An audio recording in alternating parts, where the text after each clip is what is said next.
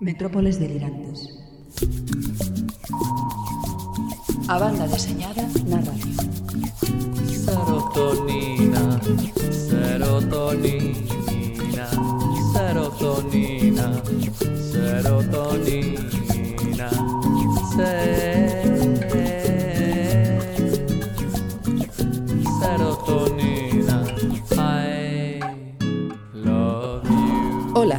Son Nieves Rodríguez e aquí comeza a 69ª emisión das Metrópoles Delirantes.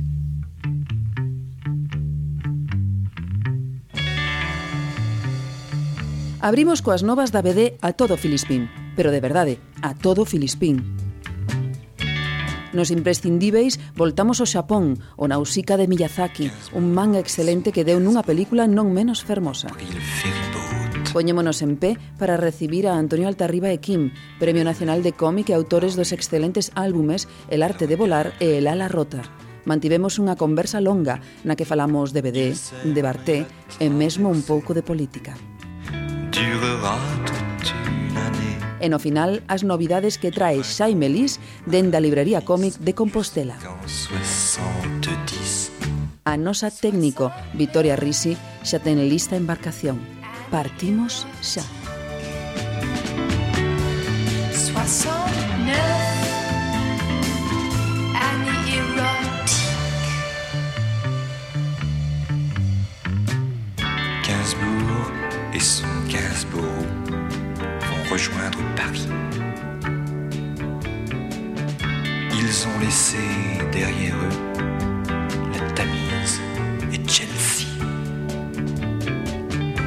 S'aiment et la traversée durera toute une année et que les dieux les bénissent jusqu'en 70. 69 année érotique. 69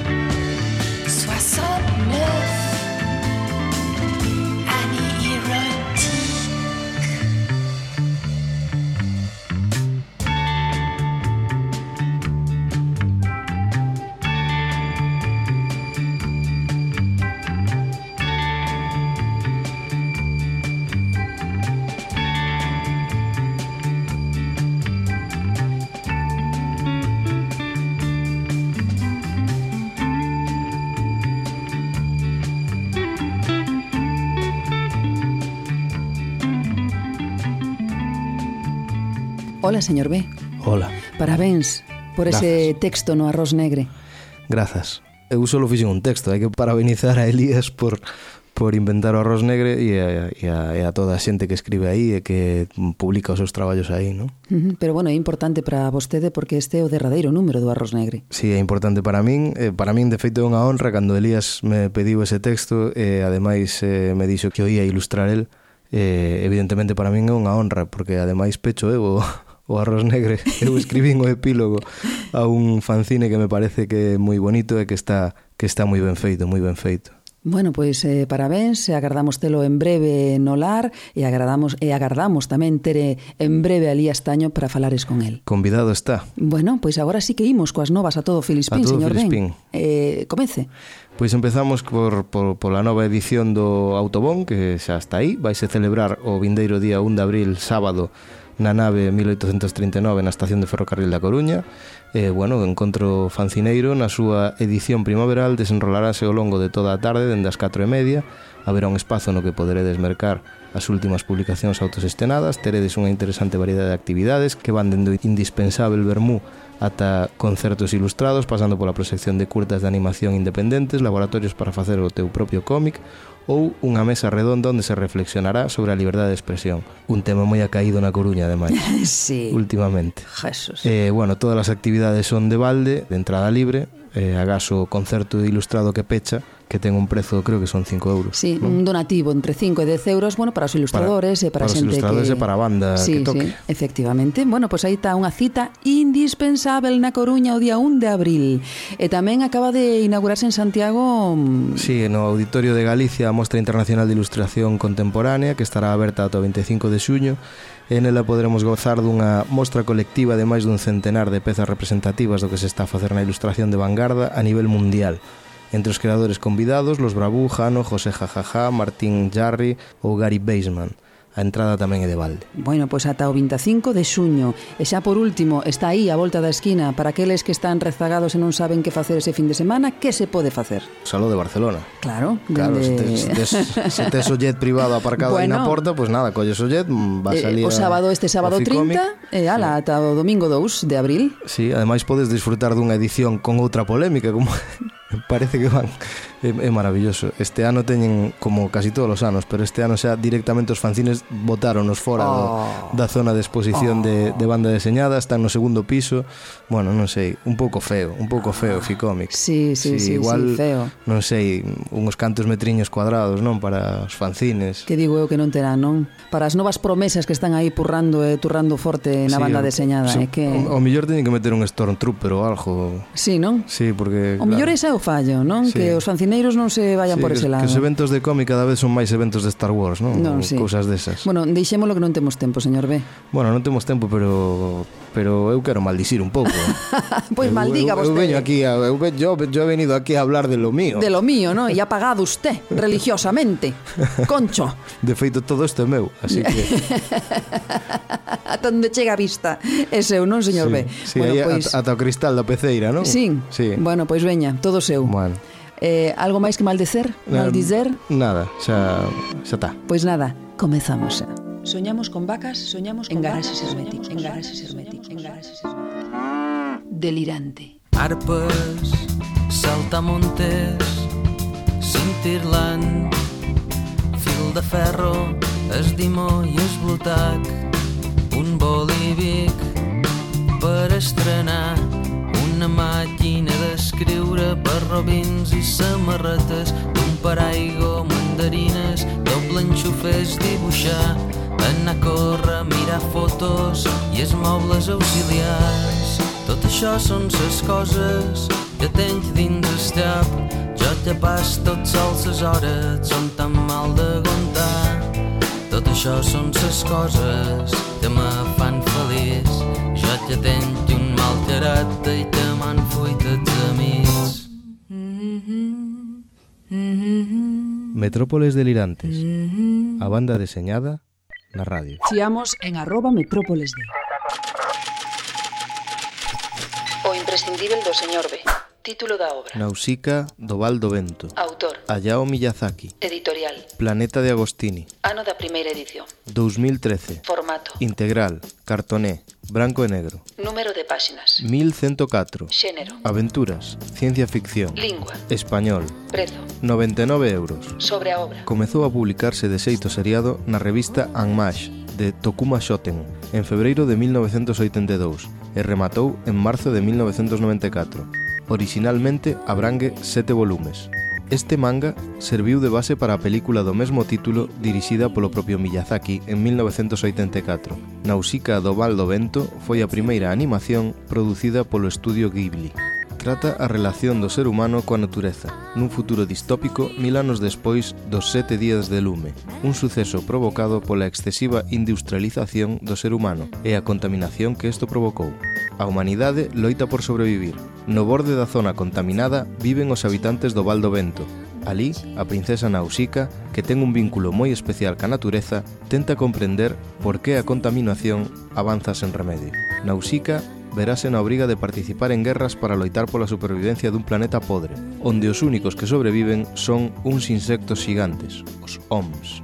En Nausicaa, Miyazaki toca temas universais, como a guerra e a religión, mais por riba de todo fai unha forte crítica social. A máis, reflicta a fouteza da muller, moi presente en toda a obra do mestre. Outra das paixóns de Miyazaki queda patente en Nausicaa, a aviación, e faino despregando unha gama completa de avións e deslizadores. O vento tamén está presente e nesta ocasión xoga un papel moi importante dentro da historia. A composición das páxinas lembra o estilo europeo, sen perder a esencia do manga, reafirmando o estilo tan personal de Miyazaki. O debuxo é claro e efectivo, poñendo especial detalle nos fondos sobre o autor. Hayao Miyazaki naceu en Tokio en 1941. O seu pai presentaba un negocio relacionado coa aeronáutica, polo que dende moi pequeno ten unha grande fascinación pola aviación, que reflicte nas súas obras. As mulleres resolutivas e de gran temperamento tiveron un papel predominante na súa obra, que é unha fermosa homenaxe á fouteza da súa nai. Antes de dedicarse ao debuxo e á animación, Hayao estudou Ciencias Políticas e Económicas, Unha vez rematados os seus estudos, comezou a súa andaina pola animación en Toei Doga, onde coñeceu a Isao Takahata, que acabou convertíndose nun dos seus principais colaboradores. Miyazaki foi responsable de series míticas como Heidi, Marco ou Conan, el chico del futuro, sendo esta a primeira serie que dirixiu. En 1979 dirixe o seu primeiro filme de animación, Lupin III, o Castelo de Cagliostro. En 1985 funda, xunto a Takahata, o Estudio Ghibli, empresa que marcou un antes e un despois na animación xaponesa.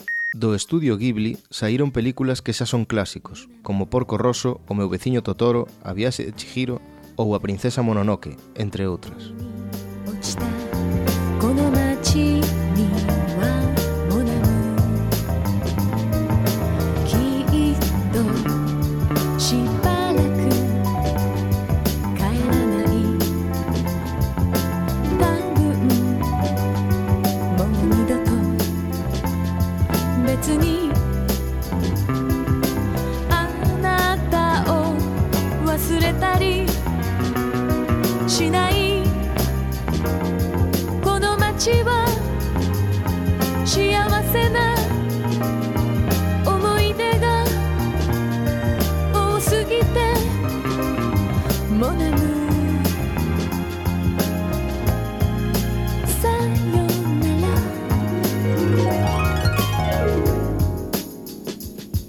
En este programa tenemos con nosotros a dos autores que en el 2010 recibieron el Premio Nacional de Cómic por una obra que podemos afirmar categóricamente marcó un hito en la historia de la novela gráfica española, El arte de volar. Antonio Altarriba en el guion y Kim a los lápices firmaron aquella obra y repitieron seis años más tarde con El ala rota. Juntas forman un díptico que arranca con el suicidio del padre de Antonio y la muerte de su madre, respectivamente, y en la que a través de sus historias se hace una gran crónica de buena parte del siglo XX a la vez que se expone un despiadado retrato de la condición humana y de una España que no debemos olvidar para no repetir. Antonio Altarriba, Kim, bienvenidos y gracias por estar con nosotros. Gracias. Cuando se edita El arte de volar, supera todas las expectativas y se convierte en un fenómeno en el panorama del cómic. Y este éxito a vosotros ya os llega con una trayectoria vital hecha. ¿De qué forma ha influido ese éxito inesperado en vuestras carreras? ¿Las ha cambiado de alguna manera? Bueno, pues la mía sí. Eh, lo, a ver, a que- lo que cuenta Totalmente. aquí- lo que cuenta aquí, pero yo creo que sí, en mi caso hay un antes y un después. Es verdad que nos mm, no nos pilló jóvenes, ya éramos, eh, cuando en 2009 ya éramos unos autores con, eh, con trayectoria, pero en mi caso en concreto, eh, bueno, como guionista, pues había trabajado con, eh, con otros muchos dibujantes, pero nunca había tenido ni esa ni esa importancia, ni, ni, ese éxito, ni esa proyección eh, internacional. Y bueno, pues eh, es un cambio que desde luego es para bien, por lo menos en, en mi caso, pues mm, porque mm, en primer lugar creo que esto ha servido también en los últimos años, no solamente en mi caso, sino otros, en subrayar la importancia del guion en el caso de los, eh, de los cómics. ¿no? Es verdad que el cómic es eh, tiene una eh, un aspecto visual muy importante, pero mm, los dibujos, por muy bonitos que sean, yo creo que tienen que estar sustentados en una historia. Eso es lo que en definitiva hace un poco el, el- y eh, bueno, pues mm, lógicamente, pues también el haber tenido un, un- éxito, eso te permite también tener más libertad posteriormente para, para colocar tus proyectos. Yo recuerdo que antes, pues bueno, cada vez que tenía un proyecto, pues había que llamar a una puerta de una editorial, a otra. Bueno, déjanos que lo estudiemos, vamos a verlo, tal, ¿no? Y ahora, pues bueno, incluso hay algún editor que me llama para, y yo entonces, pues le- bueno, déjame que, que lo piense, tengo que mirar en la agenda. Se ha cambiado las tornas. Sí, y sobre todo, que eso es para mí lo más importante, un, un guionista mm, eh, siempre depende del trabajo de un, de un dibujante. Y lógicamente, si llevas ya un currículum detrás, pues de una obra diversificada y que ha funcionado, puedes acceder a más dibujantes y, y eso pues para un guionista que siempre busca pues un dibujante que se adapte bien a, a tu historia pues está muy bien o sea que ahora disfrutándolo Disfrutando. ¿Y Kim? Bueno, a mí también me ha cambiado bastante porque yo, yo estaba, bueno, estoy en el jueves aún, pero el jueves ahora está en manos de gente muy joven y han cambiado la trayectoria. Bueno, sigue siendo una revista de humor, pero bueno, le han dado otro toque. y- Entonces yo, justo antes de que pasara todo esto, hice el arte volar. Y bueno, me gustó mucho, la verdad, meterme en el mundo del, del llámale la... novela gráfica Novela novela gráfica. o como la llamen, ¿no? Porque, Sí. Y el segundo libro, pues ya lo he hecho un poco más profesional, un poco más ya... Y ahora ya estoy haciendo una por mi cuenta, o sea, Sí, sí, ya. Me ha gustado el rollo y, y no, está, está bien, además, bueno, te sirve de terapia también, hacer una cosa así te, te sirve para, bueno, equilibrar las cosas. y- Claro, y ahora ya que ha jubilado a Martínez el Facha ya tiene más tiempo para todo Sí, eso. claro, ahora tengo, me sobra tiempo, entonces tengo tiempo y lo voy haciendo. Y hablando de dibujantes, de relación entre guionistas y dibujantes que decías tú, bueno, antes cuando hacía mis cositas y no tenía tanta fama, pues a lo mejor me costaba más Sí. llamar a la puerta de los dibujantes. Sí, sí. ¿Cómo hizo para ponerse en contacto con Kim? Porque me parece que no tenía, No, mm, no, no. tenían amistad, no, No. tenían relación, que hasta le daba un poco de vergüencita, ¿no? Decir, oye, ¿a dónde voy no, con esto? Bueno, no, no, él... Sí, un poco. A ver, cuenta. Un- ah, yo un poco. No, él fue muy... eh, Me llamó un día, nos habíamos conocido, nada, una noche cenando en, en Vitoria, en una cosa de cómic, y, me llamó y no me acordaba ni quién era ni nada. eh. Y me dice, no, estoy escribiendo la historia de mi padre y he pensado que tú igual podrías di- dibujarla, que es... mm, Bueno, yo pensé, este tío debe estar equivocado, porque claro, dice, oye, yo estoy en el jueves y hago humor y tal. Sí, sí, pero no, el tío sabía todo lo que yo había hecho. Claro, claro, porque yo Dibujos también me de pregunto eso. Yo también me pregunto eso, porque a, a mí me ha pasado y tengo que confesarlo.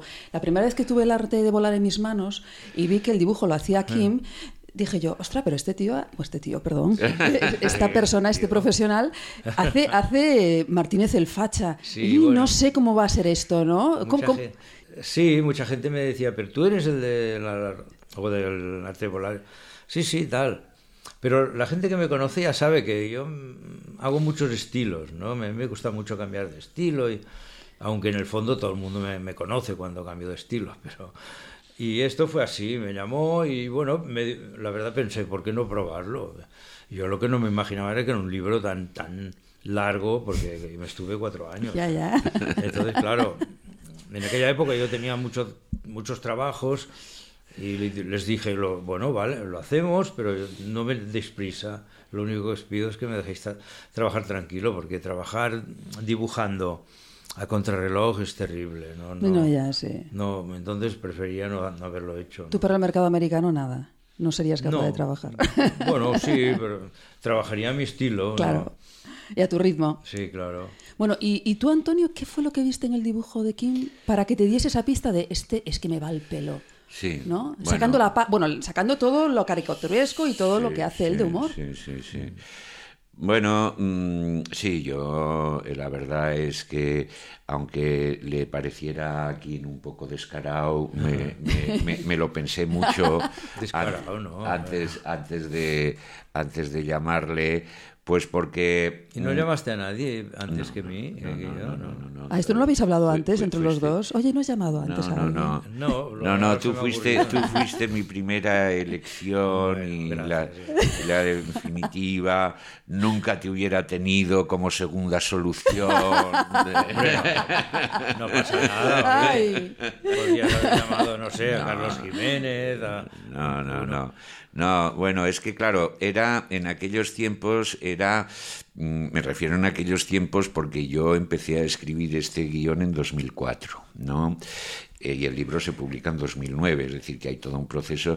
Entonces, era muy poco habitual, todavía había algunos mm, cómic así más largos, pero era poco habitual un cómic pues de 200 páginas y además, pues bueno, de un tema tan personal como la historia de mi padre. A mí realmente ir a un dibujante a decirle, oye, mira, no tengo editor, no tengo, simplemente tengo un proyecto que, me, que a mí me, me toca muy profundamente, que lo quiero realmente sacar adelante y es la historia de mi padre y van a ser 200 páginas o más. No, esto no me lo dijiste. No, bueno, pero esto no te lo dije, pero esto era el, el, el, el encargo que, que yo tenía que transmitir y entonces yo me imaginaba que ningún dibujante iba a aceptar una cosa, una cosa así, porque, hombre, 10 páginas, 20, 30, puede decir, bueno, pues le puedo dedicar un mes, dos meses, pero esto iba a ser...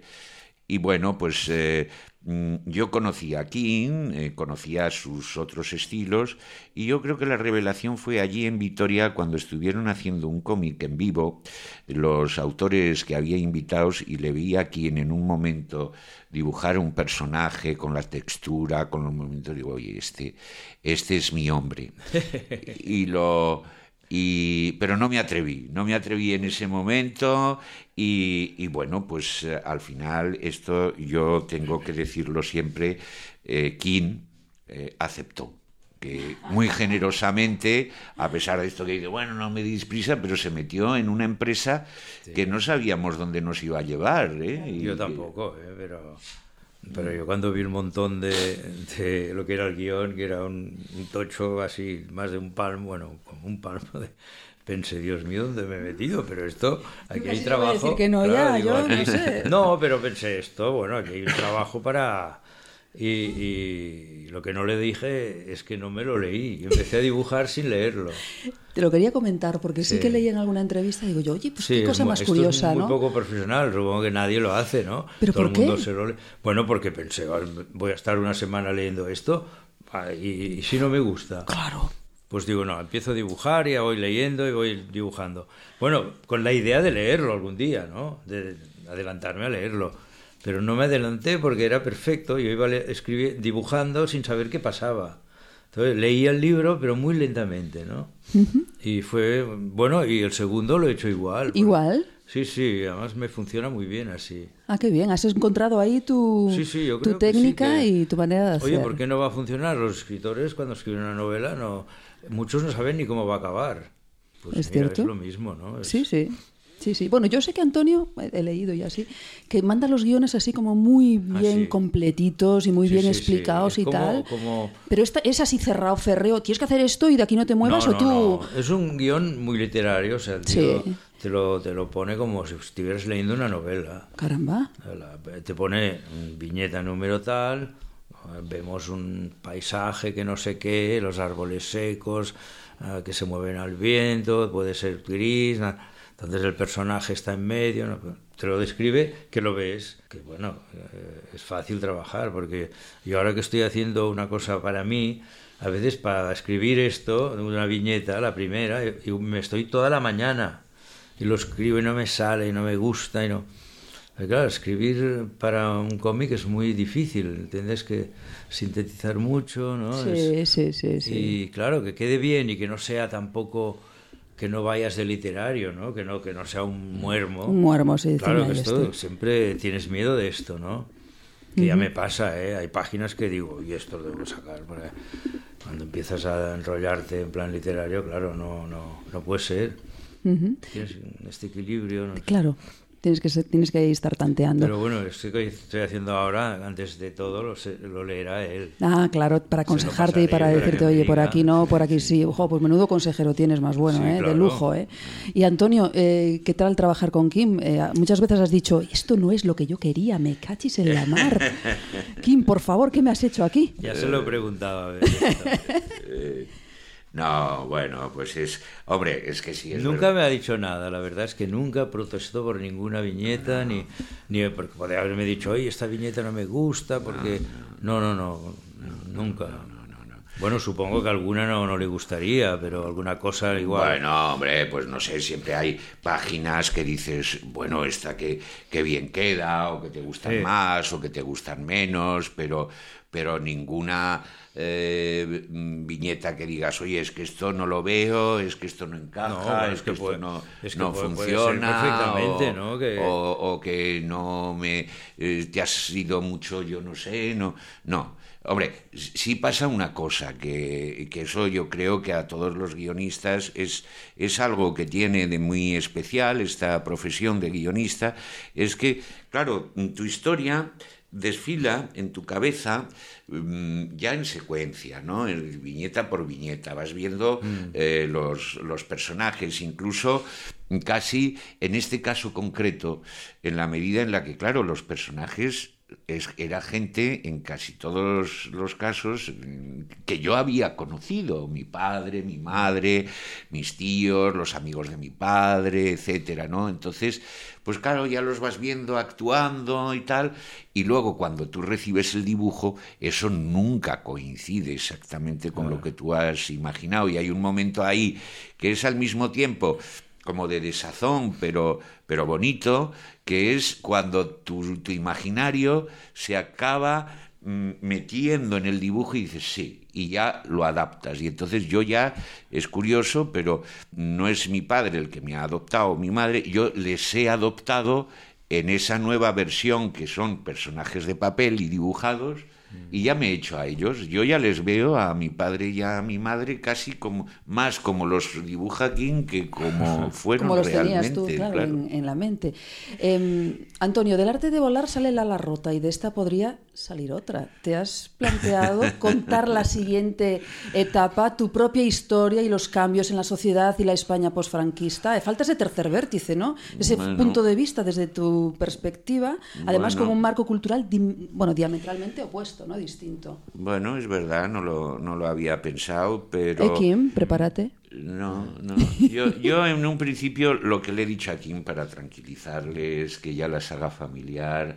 Se sí, sí. eh, éramos, eh, yo era hijo único, era eh, mi padre y mi madre, yo creo que ya, ya, ya está terminada.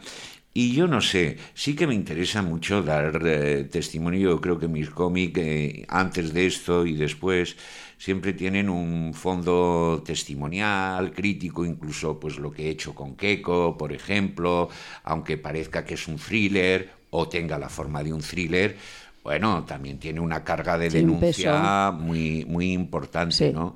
Entonces, no digo que no vaya a abordar estos tiempos que se merecen mucha novela gráfica y mucha visión crítica, creo yo, pero no me veo a mí protagonizándolos. A mí como, como, hombre, en Yo Asesino hay alguien que se me parece mucho. Iba a ¿eh? decirlo yo, digo yo. pero pero entre nosotros no soy yo ¿eh? no yo he sido profesor pero de momento Ah. Vale. Que- que no ¿quién tienes- me ha retenido y no he matado a nadie Vale, que no, A tiene, que no tienes, ganas. eh, pero que no tienes impulsos, bueno, tienes impulsos, pero no lo has materializado. no, no, me dice, mm, Antonio, punto, Antonio, ¿eh? que ¿Sí? te conozco, contente, eh, contente que te conozco. Y ya, bueno, de momento me va frenando. De- Decías que estos tiempos merecen a lo mejor un, cómic o, o reflexionar sobre ellos y que, que corra tinta sobre ellos, pero lo que también creo yo que merece un cómic y, y- y bastantes páginas es ese tema que tú tocas en el ala rota que es esa historia de la disidencia dentro del ejército franquista, Ah, sí, ¿no? sí. Eso también merecería un cómic, ¿no? Sí, Porque de eso muy poco se habla, No, ¿no? no se sabía Porque nada nada, ¿no, Kim? Eh, se filtra todo, no, va llegando nada.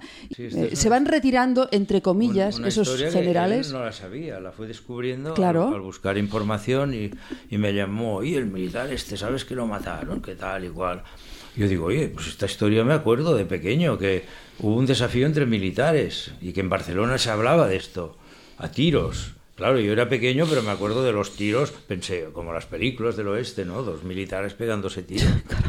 Y bueno, pues esta historia, bueno, no sé, yo pensaba que pasaría algo al salir el cómic, que, que, es- que saldría algún, algún artículo, alguien que explicara algo, pero no, de Nada, momento, no, no. De momento nada. Ha salido en, en el periódico este que tuvo muy corta duración, que eh, dirigía Miguel Ángel Aguilar ahora.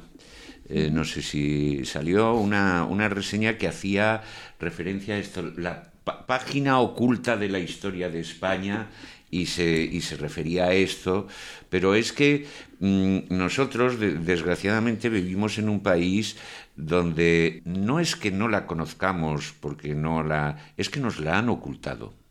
Es decir, esto no es una cosa de, de que vaya desidia, que no os intereséis por vuestra historia, es que mm, mm, en este país, eh, y todavía, todavía hoy, ¿eh? y yo creo, yo en eso soy muy militante contra todos estos que dicen, ah, no hay que mirar para el pasado, hay que mirar para el futuro. Siempre, todos los que dan este argumento son los que tienen un pasado que ocultar o un pasado del que avergonzarse, ¿no? Entonces sigue habiendo muchas resistencias para hablar de muchos, muchos episodios del pasado. Está la disidencia en el interior del bando, del bando franquista, como tú comentas en este momento, pero hay otros muchos pasajes de nuestra historia reciente, mm, bueno, incluso más próxima. Todavía hay muchos capítulos y están apareciendo libros mm, que, bueno, están dando unas pistas, no solo libros, sino documentación de qué pasó el 23F, cómo fue la transición. Ah, sí, no se es sabe decir, nada. es decir, que ahí hay... Chicha, ahí hay chicha. Claro, o sea, y, y- y yo creo que la novela gráfica en estos momentos está dando muestras de que para estas labores de rescatar páginas de la historia que no se les ha dado la importancia suficiente, funciona muy bien. Funciona bien, ¿no? Le da ese plus, ¿no? A Sí, el, sí. el cómic, a ese Sí, tipo de historias. sí. El guion de La Larrota, Antonio, supone para ti en buena medida un trabajo de reconstrucción, de investigación de la vida de tu madre, ¿no? En principio parece chocante, pero nosotros mientras estábamos haciendo la entrevista, la verdad es que yo me llegué a preguntar, Dios mío, yo nunca he hablado con mi madre, porque mi madre también vivió el franquismo, el posfranquismo. Dice, no Dios mío, yo nunca, nunca le he preguntado, ¿no? ¿Qué es lo que ha pasado? ¿Cómo lo vivió ella? Ella no cuenta nunca nada tampoco de aquella época, ¿no? ¿Qué nos Mi pasa? abuelo vivió la guerra, nunca se comentó nada, ¿no? Es decir, eh, hay un montón de historias todavía por descubrir, ¿no? En ese aspecto, lo que ha- te ha pasado a ti con tu madre seguramente que, Y con la bueno, y a ti también, igual. ¿no? Sí, sí, es que yo creo que todas las familias ha pasado esto, ¿no? Nadie cuenta, es verdad, la gente no cuenta cosas de la guerra, o no contaba, pero muchos ya se han muerto, claro. Claro. Pero yo, mi padre estuvo en la cárcel, en las cárceles franquistas, un año y medio, lo sé, porque mi madre a veces te, lo decía, pero mi padre nunca contó nada. Y mi madre tampoco. O sea, es que ah, me sabe mal ahora no, no haber preguntado más. ¿no? Claro. Pero Sí, bueno. Pero es que no es, eh, es decir, esto no es, eh, esto ocurre aquí, no en otros países. Ya. ¿eh? Bueno, pero en Alemania también pasa, ¿eh? Parece que Bueno, nadie bien, habla de la claro, bueno, es que eh, yo te... yo- Papá, ¿dónde estabas tú cuando los nazis, eh, pues, ah, pues, no hablan, no, se ve que no quieren hablar tampoco. Bueno, bueno, esto lo ves en algún libro, en alguna película. Pero, pero, por ejemplo, lo que sí está claro es que eh, en Alemania nunca habrá una discusión, como puede haber hoy en día, sobre si eh, la tumba de Hitler tenemos que hacer algo con ella o si tenemos que cambiar los nombres de la calle eh, General Rommel o, o eso, Sí. eso nunca ocurrirá y existen memoriales, museos, Museo de la Shoah, de eh, que recuerdan y, y que avergüenzan a todos esos señores que no pueden hablar su pasado. Y aquí se les defiende. Y recientemente, yo no sé si habrás escuchado la noticia, hace una semana o así, restauraron el nombre de una plaza que... En Valladolid, estábamos allí. En la División Azul. Sí, y- División Azul. Estábamos Es que allí eso- y, y- y- y- y apareció en primera página en, el, en un periódico de Valladolid y veías en 2017 a un señor encaramado a una escalera y con una placa en la que ponía Plaza División Azul para ocultar el nombre que habían cambiado hacía unas semanas antes. La Plaza de la Igualdad o algo así. Eso era, es. sí, sí. Y entonces dice, y han pasado 80 años, 80 años. y seguimos en estas historias. Es decir, que si ha habido tanto silencio, si mm, esta, esto que es tan normal en las familias de que haya una transmisión de la historia y de todo esto no se ha producido, es porque hay mucha vergüenza, hay mucho miedo, hay que lo están que lo están impidiendo, ¿no? Y entonces igual pues tu madre, pues si no te cuenta, pues pues igual es porque mm, o no tiene mucho que contar o tiene cosas un poco tristes que decir O por miedo todavía, o por miedo o por vergüenza, es decir que que hay ahí algo que bloquea y que hace que el flujo de la comunicación, que sería lo normal, lo más lógico de unos padres con respecto a sus hijos es contar su propia historia. Mira, hijo, la historia de la familia es esta. ¿Y por qué eso se bloquea? Porque hay una serie de circunstancias externas que la están trabando. Bueno, yo este domingo voy a bajar a comer con ella, le voy a preguntar. Pregúntale, que seguro que descubres cosas. Pues seguramente, seguramente.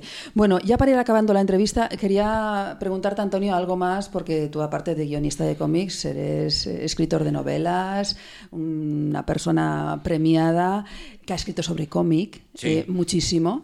Entonces quería, quería preguntarte, ah, y por un proyecto que yo no sé si todavía sigues adelante con él, pero a mí me parece precioso, que es lo de un proyecto que tienes con Pilar Albajar, Sí, ¿no? sí. Que es lo de guionizar fotos Sí, eh, bueno. que, po- que ponéis la potencia sígnica de la imagen al servicio de la poética visual. Sí. Y yo te voy a preguntar, ¿podemos decir que transformáis en ese proyecto el studium al hacerle visible el puntum del que hablaba Barté? Mira, mira, ¿Eh? si se sí, tenemos ideas, la cámara sí, oscura o la cámara sí. lúcida, perdón. Aquí de- también tenemos aquí a esta de- persona eh, que es el técnico que estudia comunicación audiovisual y está muy metido en eso y nos interesa. Bueno, pues esa podría ser una, ¿Sí? una, buena, una buena definición de lo que nosotros hacemos, efectivamente, porque incluso lo he escrito en esa medida en la que, mm, digamos, aquí la foto deja de ser instantánea para, eh, por utilizar un término equivalente, es decir, no es la captura de un instante y de un momento para preservarlo del flujo temporal, ¿no? sino que es, eh, bueno, una construcción para representar una idea, ¿no? Entonces, yo creo que eso sería una, una buena definición de nuestro trabajo en el que seguimos y que, de verdad, te agradezco mucho que lo hayas sacado porque es un trabajo que yo quiero mucho y que, mm, bueno, mm, como la fotografía artística tampoco pasa por un buen momento, sí. pues a veces no, no se suele comentar, pero ahí seguimos, Sí. seguimos. Ahora vamos Pues a haciendo un sacar trabajo bárbaro, una nueva página web con nuevas series y, y a ver si lo movemos un poquito, sí. ¿Estáis exponiendo ahora o no? Ahora estáis... Ahora eh, estamos exponiendo en Francia, en Aix-en-Provence. ¿eh? Ah, una, una exposición fue Pilar a, a la inauguración y, y me parece que estará hasta finales de mes. Bueno, pues a ver si, si exponéis por aquí cerca y Bueno, podemos tener la oportunidad encantados, de, ver vuestra obra. Encantados. Y bueno, y hablando de esto de- del, del cómic, eh, el cómic es un medio, y esto es una pregunta para los dos, ¿eh? el cómic es un medio que no solo expone lo mejor de dos mundos, ¿no? la literatura eh, y la imagen, sino que los mezcla, se influyen, se complementan, se contradicen en algunos, cla- en algunos casos, se completan eh, el uno al otro. Hay una riqueza narrativa en ese diálogo inmensa. En cambio, Parece que le cuesta, o esa es la sensación que tengo yo, aunque las cosas han ido cambiando poco a poco, pero que le cuesta perder la fama de poco serio al cómic y le cuesta encontrar su espacio en el universo académico. Y eso que, Antonio, tú sí que lo has peleado mucho, ¿eh? Mucho. A través de tu tesis, de, de- de dando clases de literatura francesa, bueno, en los claustros que lo hablabas, lo comentabas. Sí. Eh, ¿Qué pasa en este sentido? Bueno, yo no soy nada teórico del cómic, porque yo la verdad, eh, cuando estaba en el humor, el cómic y el humor no se llevan muy bien. O sea, la gente que dibuja humor no le interesa para nada el cómic. ¿Qué dices? Sí, No, no. es primera noticia. Hay alguno, por el jueves había uno o dos que les interesaba el cómic. El resto, les interesa su humor y no tienen nada que ver, es, es muy curioso. Y yo, pues, bueno, a mí siempre me ha interesado el cómic, pero no, no, no he sido un loco de comprar y tal. Yo no estoy muy al día del cómic, la verdad. Entonces, Antonio, esto te lo puede contestar mejor, creo.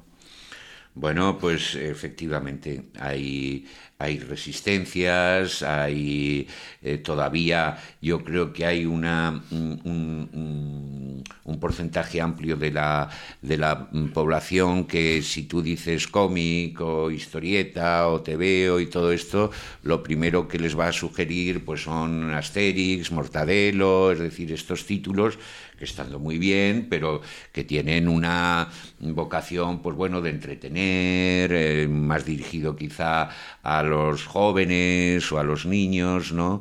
Y todavía no se conocen mm, otras cosas que se está haciendo. De todas formas, yo en los últimos años tengo que reconocer que han avanzado mucho, mucho las cosas. En estos momentos, además, puedo decir que aquí en España eh, se están abriendo dentro de, las- de la universidad muchos espacios para, para la, la historieta.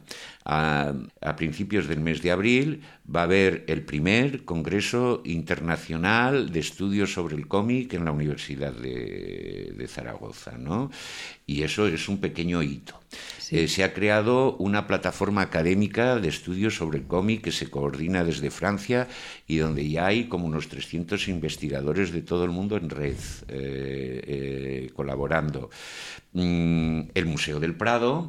Sí, sí, con esa obra que acabáis de sacar con Keiko, ¿no? Efectivamente, va, hace una colección que inauguró Max con Sí, sí. esa mm, trabajando sobre el, Sobre el mundo Bosco. del Bosco y después hemos ido nosotros y eh, eh, está ya seguro, por lo menos eso nos dijeron, que van a seguir eh, manteniéndola, ¿no? Entonces todo esto en muy poco tiempo son hitos que han ido mm, resituando el cómic, queda mucho por hacer, pero bueno, por una vez en este sentido veo que, que las cosas eh, que las cosas están avanzando y bueno, pues oye, el que estemos aquí en Sí, este sí. programa, eh, recorriendo los institutos, por ejemplo, eso también es muy importante, creo yo. Sí. Hemos estado en muchos centros de enseñanza, hablando con los chicos, ¿no? Y, y los profesores han utilizado el cómic como mm, material didáctico para la historia, para el dibujo, todo esto, ¿no? Entonces, eso es verdad que que te da motivos para, para la esperanza, ¿no? Y yo creo que, bueno, a ver si estamos hablando del arte de volar, pues a ver si esto despega, ¿no? Pues a ver, ¿no? Y ya para terminar vuestros proyectos, tú estás con Keiko ahora, ¿no? Sí, sí, Estás sí. con esa, he oído por ahí, trilogía del yo. Sí, ¿Sí? eso es, sí. Hombre, es que llamarla trilogía egoísta me parecía un poco fuerte, ¿no?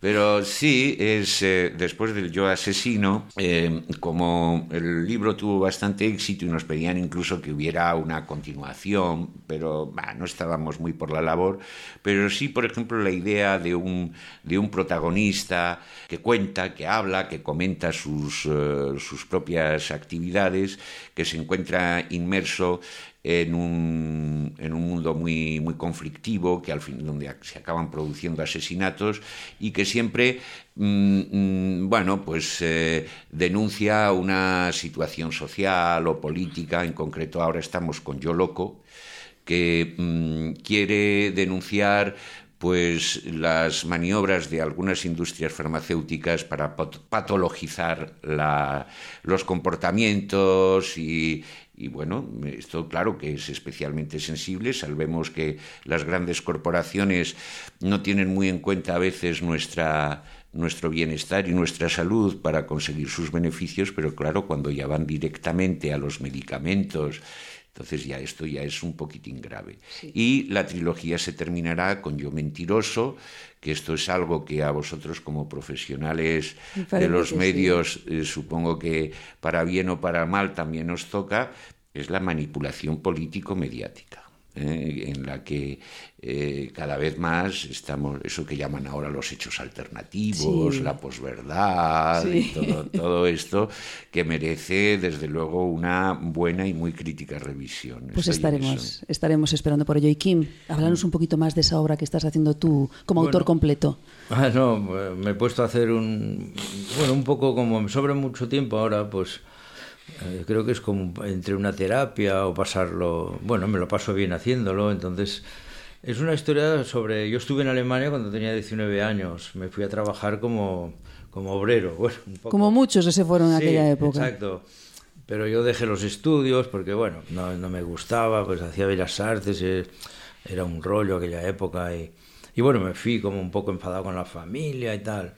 Y bueno, me tiré un año ahí. Y es una historia que yo había prácticamente olvidado de, de mi vida porque no, no, no pasaba nada que digamos divertido ni agradable. Es una historia bastante eh, dura, bueno, sobre todo la historia, la gente que conocí allí, ¿no? Y bueno, yo tenía muchos dibujos en blogs y tal, y un buen día, no sé, hablando con un tío alemán, me, el tío me dijo, hombre, esto tendrías que escribirlo, tú que haces, que haces novela gráfica, ¿por qué no haces...? Y pensé, "Hostia, a ver, esto... Y bueno, miré los dibujos que tengo, me, fue, me fui abriendo puertecillas como recordando. Y bueno, me puse con esto porque luego hubo unos acontecimientos. eh, bueno, y aquí estoy haciéndolo. Ya veremos, no sé. Pues también estaremos esperando con ganas esa, Bueno, esa obra tuya. no sé si- Están llamando ya, que están esperando, porque estamos en la UNED y tenemos que agradecer a Javier Pintor, que fue el que nos facilitó esta entrevista, y están esperando el público para que Antonio y Kim hablen sobre el arte de volar y el ala rota. Pero Gracias. un segundo solo, pregunta irreverente, que tengo unas ganas de Mm. hacértela, Kim. Eh, ¿Desmientes que Martínez Pujalte fuese un actor contratado por el jueves? Ah. ¿Eh? ¿Lo desmientes o lo confirmas? No, eh, lo desmiento. Pero cuando fui, fuimos, fuimos nosotros, que nos invitaron un día a ver, a ver pues el Senado y tal, y me dijo, ¿sabes que hay uno que lo llaman Martínez del Facha? Digo, ¿qué? Y, y me lo enseñó. Y, ¿Y yo qué? con un bigote y pensé, joder. Y luego, claro, lo he seguido un poco a este tío y es parecido, ¿eh? Y, y tú Bueno, pensaste, sí, "Me- menuda sí, putada le hizo la vida a muy- este, muy- que se parece a mi personaje. Muy parecido. Muy parecido. Bueno, pues muchísimas gracias, Kim. Gracias a vosotros. Muchísimas gracias, Antonio. Muchas Un gracias. inmenso placer, de verdad, Lo mismo, con una vosotros. entrevista estupenda. Gracias, gracias. Metrópoles delirantes. A banda deseñada na radio. E imos paseniño paseniño chegando cara ao final desta travesía nas metrópoles delirantes e hoxe, despois de moito, moito, moito tempo e cunhas ganas incribles que tiñamos xa de telo con nós, está nas novidades Xaime Lis de Librería Cómic de Santiago de Compostela. Hola, Xaime. Hola, Nieves, que tal estamos? non sabes a alegría que nos das, que pues, pases polas metrópoles. Eh, pues a mesma que teño eu de volver aquí, a verdade. Bueno, eh, hoxe imos así un poquiño... bum, e temos cousas das que falar moi boas. Caviar del bueno. Sí, hoxe hoxe, bueno, como sempre, cousiñas ricas e variadas traemos E hoxe, ademais, pois eh, traio cinco obras e as cinco obras son de cinco autores dos que máis me flipan, a verdade. Pois sí, pois empezamos por cal. Bueno, pois comezamos, eu creo que vai ser unha das novidades do ano, bueno, está sendo xa, que é a edición de Ether, de Matt Kint e David Rubín. David Rubín, ese hombre, hai un hombre en España que lo hace todo. Exactamente, exactamente. Ese é David Rubín. Eu teño a teoría, bueno, sigo tendo a teoría de que David é unha máquina de clonarse Verdade. ou algo así, porque é imposible. Verdade O sea, nun mes fai o que o resto dos humanos facemos en tres anos, pero... O mellor é un alienígena que, que, que sei, que está camuflado entre nós. Pode bueno, ser. mellor é o, os poderes que, que outorga licor café. Tamén, tamén, tamén. tamén. pois fálanos dese écer. Pois a ver, eh, este écer é unha, eh, unha edición feita por Astiberri que, que compila pois, os, os primeiros números de, dunha serie americana feita para o mercado estadounidense con guión de Mazkin e con debuxos de, de David. Eh, Mazkin, para a xente que non o coñeza, pois é un autor, eu creo que moi moi interesante, que aquí en España ten publicadas varias obras, eh, Super Spy, Revolver, eh, quizás a que máis me gusta é Tres Relatos, eh, a verdadeira historia do home xigante, que están, está moi ben, é un autor, xa vos digo, moi moi interesante.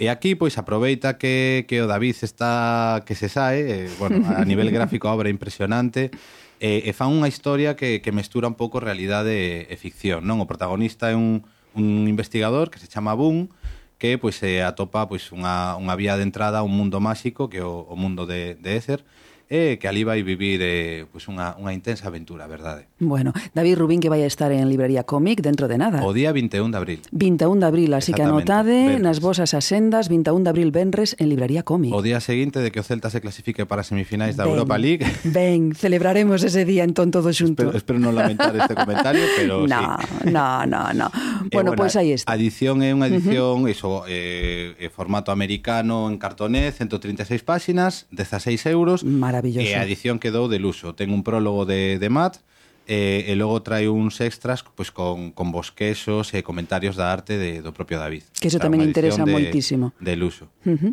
Bueno, pois eh, seguimos avanzando, aí queda ese écer de David Rubín e Matt King, e imos agora con, bueno, outra solla. Bueno, unha solla ah, que, que ti saliches buah, tamén. Buah. Eh, Outro un tipo que, bueno, é, é un autor que quizáis non é todo coñecido que debería. A estas alturas, eh, todas e todos vos, eu creo que eh, vistes a súa obra a través da última campaña publicitaria da banca. Sí.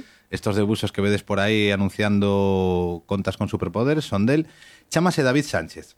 Eh, David Sánchez é un, un tipo que emprega unha liña clara eh, moi moi clara, pero moi moi persoal, o sea, moi recoñecible o seu estilo, eh, é portadista e ilustrador, ten varias obras de cómic moi interesantes nas que que máis destaca é a, a súa capacidade de crear atmósferas turbadoras, desacougantes. Sí. sí, sí, sí. En este, o sea, é un autor que moitas veces cando a xente leo os seus cómics comparo con David Lynch, e a verdade é que non, non me extraña. Nesta última obra, Un millón de años, pois pues preséntanos un mundo onírico, eh, alucinante, desértico, un mundo posapocalíptico, no que non imos ver unha, unha historia lineal, senón que imos ver varios anacos, varios fragmentos de, de distintas historias e teñen que ver un pouco eh, como unha versión posapocalíptica de, pois, de temas bíblicos quizáis, non? Entón, bueno, é unha obra que, que creo que está moi moi ben A edición tamén de Astiberri De luxo uh -huh, Un cartoné eh, con, con tea que é impresionante 120 páxinas, 20 euros aceptamos barco, outra outra sí, sí. Moi boa obra, e menudas 120 páxinas, non? Que falábamos mm, mm, solamente xa polo final que ten mm, paga pena ter eh, ter esa sí. obra nas mans. Sí, eh, sí. Eh, é curioso porque des, desta obra, un millón de años, imos saltar a outra obra que a min persoalmente faime moitísima, moitísima, moitísima ilusión e que comparte cun millón de, de años que non o sea, non emprega unha narrativa convencional, senón que desafía eh, as fórmulas ás que estamos afeitos e, eh, e eh, preséntanos varios anacos de distintas cousas e tamén ten ese mesmo poder que tiña un millón de años, que é deixar pois na, na memoria, na, na mente do lector ou da lectora, pois unha serie de imaxes que, que se van a quedar pois un tempo na túa cabeciña. É unha obra moi a min pareceume moi moi non sei, é, é moi interesante porque ademais coñezo, bueno, coñecemos o autor, non? Sí. Andrés Magán, eh, ese rapaz de Vigo que cada cada obra que que fai nos deixa máis abrallados E, e claro, seguimos un pouco o proceso creativo, as inquedanzas, as dúbidas do propio Andrés e o ver agora o resultado final é unha auténtica solla. O título é Fragmentos seleccionados. Está editado por Apa Apa, que bueno, é outra unha pequena editora independente, ou igual que a Fosfatina ou a Fulgencio Pimentel, hai que, que agradecer moitísimas cousas. E, e bueno, unha edición preciosa tamén, 128 páxinas, 20 euros, tamén editada en cartoné. Andrés é un, é un autor que iso que explora explora moito, eh, chega incluso por momentos a rozar a, a abstracción. Eh, a min, bueno, para min un, un dos tebeos que máis ilusión me, me fixo ver na, nas miñas mans, a verdade.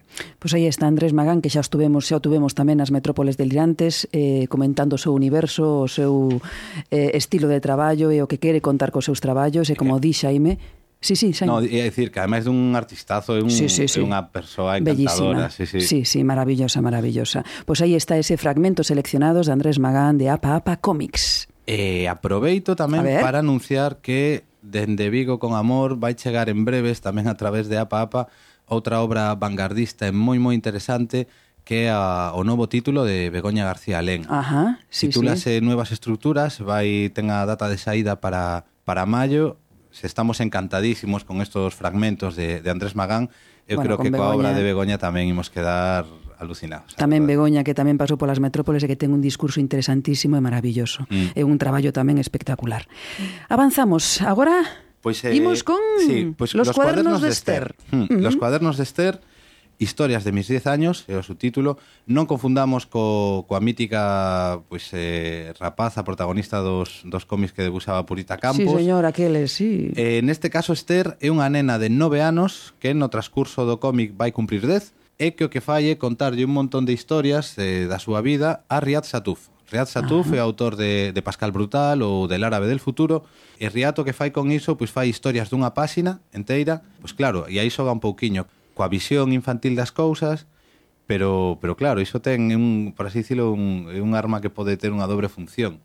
Porque, ademais de, de divertir, pois vemos, vemos críticas de, da nosa sociedade, sobre todo do noso comportamento como adultos, que, que bueno, que, que ten, ten máis chicha do que parece a primeira vista eh, e polo título, non? Os, los cuadernos de Esther, dices tú, bueno, sí, podese confundir con ese... Claro, hai, hai unha cousa tamén que moi interesante desta obra é que, claro, a xente que agora temos, pois iso, eh, 30, 30 mm. e tantos, a xente que agora teñen fillos, pois, eh, eh, adolescentes ou preadolescentes, quizás non nos decatamos, pero pero somos xeracións totalmente distintas, non? A nosa a nosa infancia e a, e a nenez dos dos fillos da nosa xeración non ten nada, nada que, que ver. ver. Entón, claro, iso notase no, no cómic, a percepción pois, das novas tecnoloxías, eh, do, do consumismo tamén, do capitalismo, é unha cosa moi moi curiosa.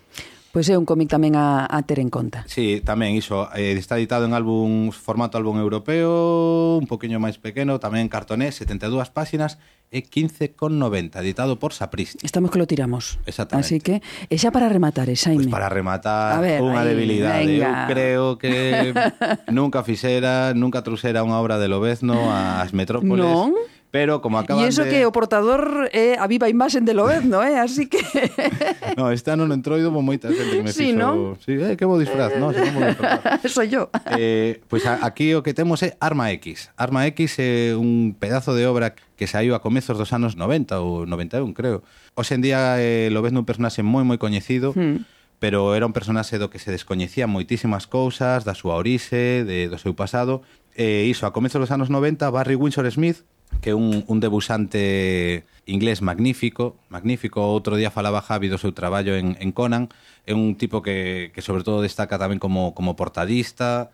Eh, é un tipo que ten un debuxo tan tan delicado que é moi difícil que, que poida manter unha serie regular. Entón, normalmente este home que faciera sobre todo series limitadas, series pequenas, eh, lanzouse a facer esta, que eran cinco, cinco cómics, cinco comics books eh, que, que agora están compilados nun, nun tomo, e o que nos conta é pois basicamente cando lle meteron o metal Anda. al obesno o a Diamantium famoso, pois uh -huh. vemos todo o proceso. A nivel gráfico increíble, a nivel narrativo creo que é unha obra que, que aguanta moi ben o, o paso do tempo. E, eh, e bueno, acaban de acaba de reeditar o Panini, eh, unha edición en cartonez, 168 páxinas e 15 euros. Joyas. E se pues... alguén lle gusta iso, os canadienses con garras, pois ese, ese, este é o teu cómic. Bueno, pois pues aí está. Eh, o que truxo hoxe Xaime é para apuntalo, para ir á librería directamente e mercalo, así que xa sabedes. Xaime, moitísimas gracias. Graciñas a vos Un placer por, por acollerme inmenso. sempre tan Bueno, ben. bueno, bueno, grazas por vir. Gracias. A vos. Chao. Me echaron droga. Delirante. En el colacao. Rematamos esta viaxe pola banda deseñada que comezábamos coas novas da BD. O señor B anotou nos imprescindíveis o Nausica de Hayao Miyazaki, unha obra fermosa que é un canto á natureza e que, por certo, xa vai pedindo unha reedición. Con Altarriba e Kim debullamos algunhas cousas da súa obra e tamén abordamos outras cuestións importantes, pero sobre todo gozamos escoitando a estes dous mestres da creación e da conversa tranquila. As novidades chegaron dende a libraría cómic de Compostela con Xaime, o libreiro que sabe provocar un fora de xogo. Máis banda deseñada no Twitter en arroba metrópolesd e tamén en metrópolesdelirantes.com. E lembrade, le de banda deseñada e coidadevos das viúvas de Lugo, que son moito de cruzadas e pouco de cruces. Metrópoles delirantes. A banda deseñada na radio.